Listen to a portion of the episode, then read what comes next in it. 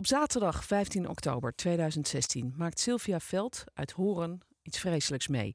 Iets dat haar leven voorgoed zal veranderen. Ze wordt aangevallen door een man die haar probeert te verkrachten. En als ze weet te ontsnappen en naar de politie gaat, is de ellende nog niet voorbij. Want de politie doet eigenlijk niet zoveel om de dader te pakken te krijgen.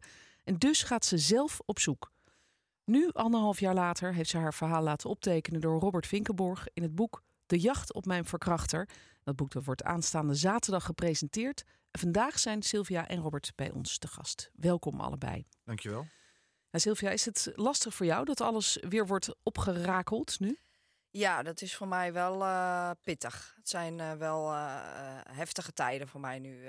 weer even. Ja, ja kan ik me voorstellen. Wel een, zeker wel even een ding, zeg maar. Ja, en in de media werd je, hè, als het over deze zaak ging, Esmee genoemd. Ja.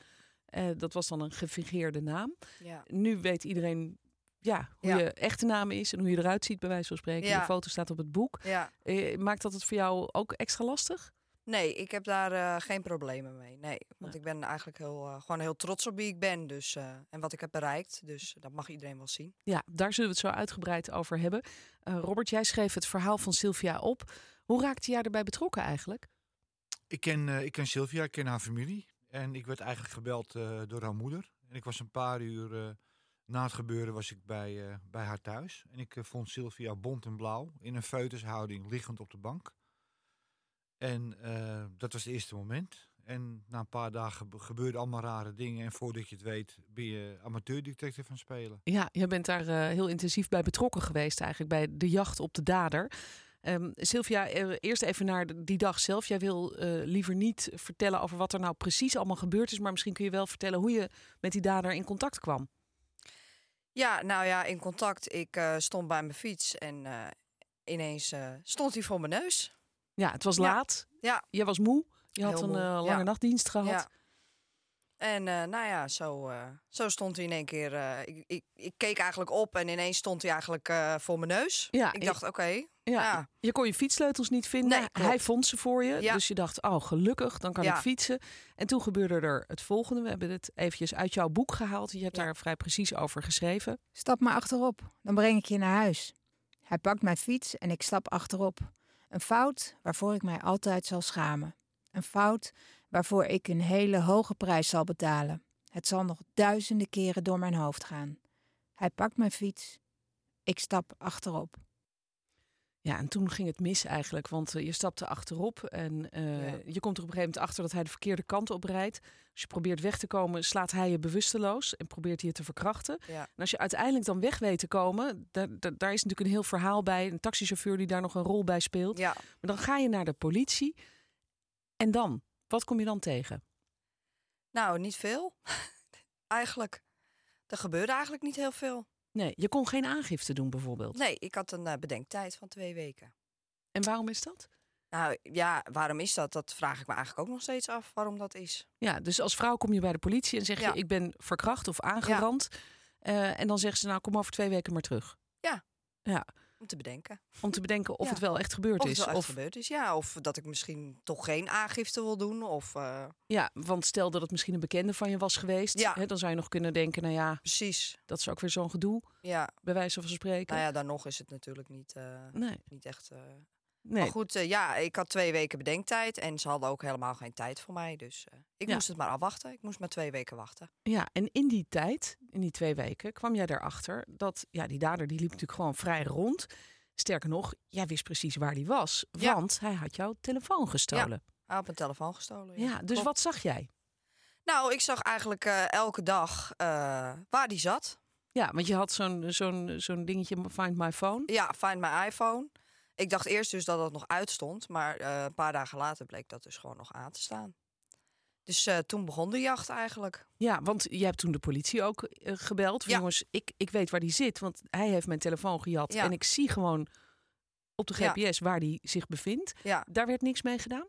Nou, in het begin is er wel een paar keer de gewone politie zeg maar, daarop afgegaan. Die hebben wel dat serieus genomen. En later zou zedenpolitie dat gaan oppakken, maar die hebben daar vrij weinig tot niets mee gedaan. Ja. Hoe frustrerend is dat voor jou geweest? Dat je gewoon op die iPhone kon zien waar, Ja. waar jouw telefoon en dus die dader was? Nou, dat is, dat is met geen pen te beschrijven. ik ging tussendoor natuurlijk ook gewoon nog naar mijn werk. Dus dan kwam ik 's ochtends uit mijn bed en ik keek in. En ging ik denk, nou, even kijken waar mijn telefoon. Of die er weer je, Dat is echt. Het Ja. is zo bizar. En die frustratie. Want je ziet het gewoon. En je wil er gewoon heen. Maar het kan niet. Want nou, dus ja, het is gewoon pure wanhoop, pure frustratie geweest. Het was Ja. echt een hel. Ja, en vervolgens zag je ook nog eens een keer dat hij jouw accounts ging gebruiken op Ja. Facebook bijvoorbeeld. Ja. En met een soort eh, dating app, Ja. Badoo. ehm, ging hij ook vrouwen benaderen echt met, met, met jouw telefoon? Ja, zeker. Ja, ik had eh, de app, die stond op mijn telefoon. En mijn locatie stond ook aan op die app. Dus je kon ook eh, via die app ook zien waar die was. Maar hij stuurde inderdaad ook eh, eh, berichtjes eh, van vragen tot seks of afspraakjes. En uit mijn naam, dus mijn profiel, mijn foto, alles stond erbij. Ja, dus dan had hij misschien dat niet helemaal door ook. Dat, dat hij dan vanuit een vrouwenaccount vrouwen ging benaderen. Ik heb geen idee. Ja, heel vreemd. maar heel, ja. heel woestmakend, kan ja, ik me voorstellen. woestmakend. Ja, het is gewoon. Het is, het, is niet, het is niet te omschrijven hoe dat is. Dan zie je, want ik kon het allemaal zien vanaf mijn PC, zeg maar. Dus Hij ik- misbruikte je weer. Ja, hij, Hij misbruikte misbruikte me je weer. Ja, hij eh, Hij ging. stal je identi- identiteit, Ja. je hele leven, je foto. En, en, en hij misbruikte jou weer, jouw foto, om, eh, Ja. jouw foto om andere vrouwen mee te benaderen. Ja. En het bed ermee in te krijgen. Ja, dat is ongelooflijk. En, en intussen, eh, ja, jij kon dan op een gegeven moment aangifte gaan doen bij de politie. Ja. Eh, maar er gebeurde eigenlijk weinig eh, qua opsporing. Ja, Ehm, toen zijn jullie zelf gaan zoeken naar de dader. Hoe, hoe, hoe dat ging, dat horen we straks nog uitgebreid. Maar, maar wat was jullie idee eigenlijk? ja om, hem, om eigenlijk gewoon ook het exacte adres te achterhalen. Ja, en om, eh, om hem echt te pakken. Ja, want Ja. je zag wel dat puntje steeds Ja. oplichten, maar dan heb je natuurlijk nog niet. Ja, we zagen wel in wat voor huizenblok die zeg maar zat. Maar niet het exacte adres. Dus het was een boven- en benedenwoning. Dus ja, welk, welk huis het nou precies was, daar, wil, daar wilde ik echt achter komen. Ik denk, als ik dat dan aanlever, nou, dan moeten ze hem toch wel oppakken, dacht ik. Maar nee. Nee, want jij bent daar veelvuldig in de straat geweest, Robert, be- om te kijken waar die dan precies zat. Hoe was dat dan? dan inderdaad, voelde je misschien een soort privédetective. Eh, ja, ja, dat dus. Eh, je tast in het duister. Je weet, je moet hier ergens zijn in, in, in dit blok. En, eh, je, je loopt rond en je zoekt. En eigenlijk weet je niet eens waar, waarna je zoekt. Ik had wel van Sylvia een tekeningetje gezien. Die had ze gemaakt van de dader. Dus ik wist ongeveer hoe je eruit moest zien. En je hoopt dat je die man tegen zou komen. Het liefst natuurlijk met een witte iPhone in zijn hand. Dan zou je het zou je zeker weten. Ehm, ja, dus je zoekt sporen. Ehm, Ja, want het had natuurlijk ook nog gekund dat hij die telefoon verpatst had, hè? Of, of gegeven ja, aan een dat vriend. dachten wij dus inderdaad ook nog dat in is het ook nog begin. iets. Ja, Het had Van- ook een hele kunnen ja, zijn dat die daar een met de telefoon zijn, ja. zat. Dus, eh, dus ja. daar moet je ook nog achter zien te komen. ja. Dus naar dat soort dingen zoek je van... is het wel de dader die daar met de telefoon... eh haar Badoo-app gebruikt, eh, op haar Facebook eh, zit, eh, noem maar op. Eh, dat wisten we natuurlijk niet. Je, je- we zaten nog totaal in het donker. Ja, in het donker, maar ik kan me voorstellen ook in een soort vreemde koker. Want je vertelt net, je was wel op een gegeven moment weer aan het werk gegaan. Ja. Maar ik kan me voorstellen dat je op een gegeven moment aan niks anders meer denkt. Dan Nee. waar is die telefoon? Is die Ja. echt bij hem? Wie is die man? Ja. Eh, hoe kunnen we hem pakken? Nou ja, zo ging het eigenlijk ook. Daar bestond ook eigenlijk mijn leven uit. Ja, Ja, en je telefoon, hè. Kijk, voor haar, die zij is gek op de telefoon. Eh, ze heeft er ook hard voor gewerkt. Het was een hele dure iPhone, was het. En een telefoon. Wie geeft hier in de studio of van de luisteraars thuis zijn telefoon aan mij? Ja, Met een code. je geeft je ik leven je af. hele Ja. leven. Ja. Je fotootjes, je privéchats, Al je vrienden, eh, vriendinnen. adressen, Ja. noem maar op. Eh, dus het is, je hele leven heeft, heeft een man die jou dat aangedaan heeft. En waarvan Sylvia dus ook gedacht heeft, gevoeld heeft. Van die man die zoekt mij nog steeds. Want ik ben de belangrijkste getuige. Die staat zometeen voor de deur om mij af te maken. Straks eh, praten we verder over, over jouw ervaring, jullie ervaring eh, met het opsporen van, eh, van deze man. En eh, dan horen we hoe dat ging en ook hoe jij je leven toch weer op de rit hebt gekregen na deze traumatische ervaring. Intussen mag ik twee exemplaren weggeven van het boek van, eh, van Sylvia en Robert. Heb je interesse? Stuur dan een mailtje naar lunchroom.nhradio.nl met je adres erbij en vertel me waarom je dat boek graag wil lezen. Ik praat vandaag met Sylvia Veld en Robert Vinkenborg over hun boek De jacht op mijn verkrachter. En Sylvia, je vertelde net dat jullie op een gegeven moment zelf op zoek gingen naar de dader, omdat de politie niet echt heel fanatiek bezig was met die speurtocht. Nee. En eh, je bedacht op een gegeven moment om hem in de val te lokken met een soort nep-account om een date met hem te regelen, omdat Ja. hij toch al de hele tijd via jouw telefoon bezig was vrouwen te benaderen. ja. Was je op dat moment niet bezig met wat er ook allemaal mis zou kunnen gaan? Dat is natuurlijk een enorm gevaarlijke actie eigenlijk. ja, daar dacht ik op dat moment eigenlijk niet zo bij na. Ik dacht gewoon, ik moet gewoon zijn adres hebben en zijn telefoonnummer en eh, waar die exact zit. Daar dacht ik eigenlijk eh, alleen maar aan. Ja, jullie hebben Ik moet hem gewoon pakken, zeg maar. Dat, eh, dat was eigenlijk mijn, eh, Ja, dat was mijn hoofddoel. Ja, jouw hoofdgedachte Ja. de hele dag Ja. door eigenlijk. Jullie spoorden in de tussentijd ook nog zelf twee ooggetuigen op. Wat, wat heeft het met jou gedaan dat jullie zelf al dat speurwerk hebben moeten doen? Ja, ik voelde me net een regisseur. eigenlijk. Ja.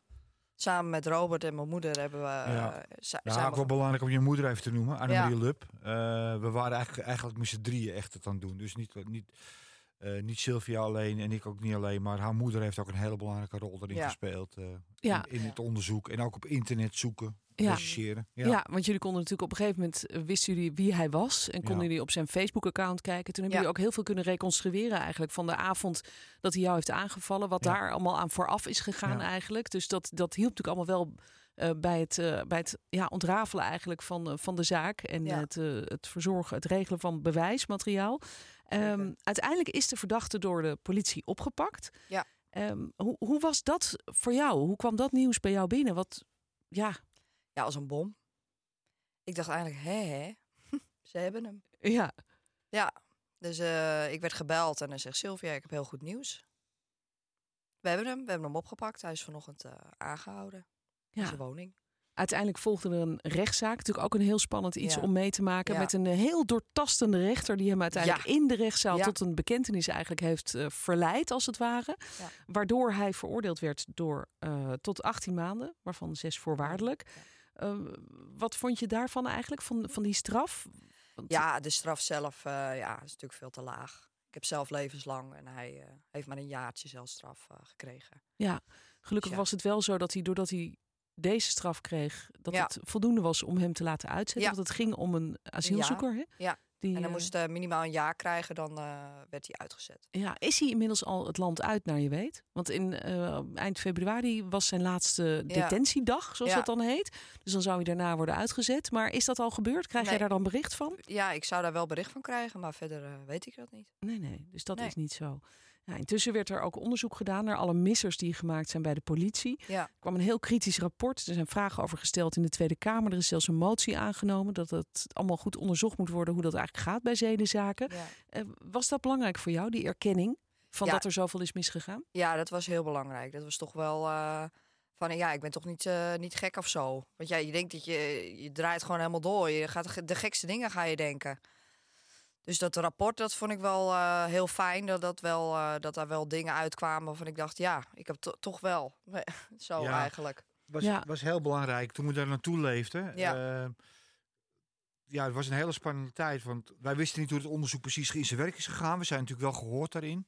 Maar wat eruit zou komen, dat weet je er niet. En we waren toch wel heel erg bang voor, ja, voor hetzelfde geld wordt Sylvia afgeserveerd als een soort hysterisch overspannen meisje. Maar toen wij dus de feiten gepresenteerd kregen zoals in het rapport stonden, toen lag alles ook gewoon Ja. vast. De hele Ja. tijdlijn lag vast. En ehm, dat was voor Sylvia ook wel een moment van, nou, ze kunnen mij in ieder geval niet voor gek versleten.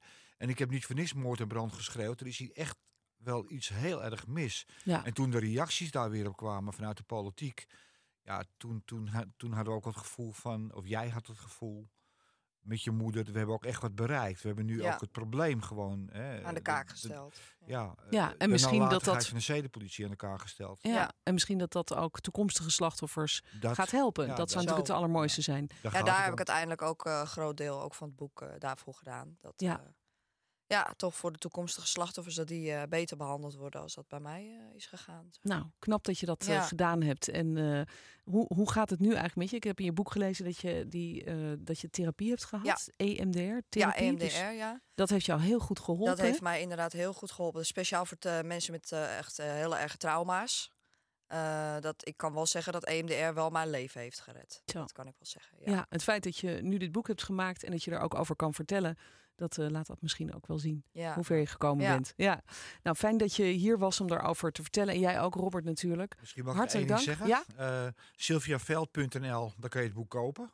Eh, we hebben er veel in geïnvesteerd, dus we hopen ook dat het verkocht wordt. En misschien is het goed even om te zeggen dat jouw collega Maarten Edelenbos een prachtig mooi gesprek televi- op televisie met gehad heeft. En het gaat vanaf morgen worden uitgezonden. Precies. En dat is, dat Ik is anders net dan gaan radio. zeggen. Nee, maar dat Oké, klopt. Nee, dat klopt. Als je... Hij had het mij verteld. En Ja. eh, morgen is dat inderdaad ook nog te zien Ja. op tv. En dan zaterdag is de officiële boekpresentatie. Klopt. Dus Ja. goed, dankjewel.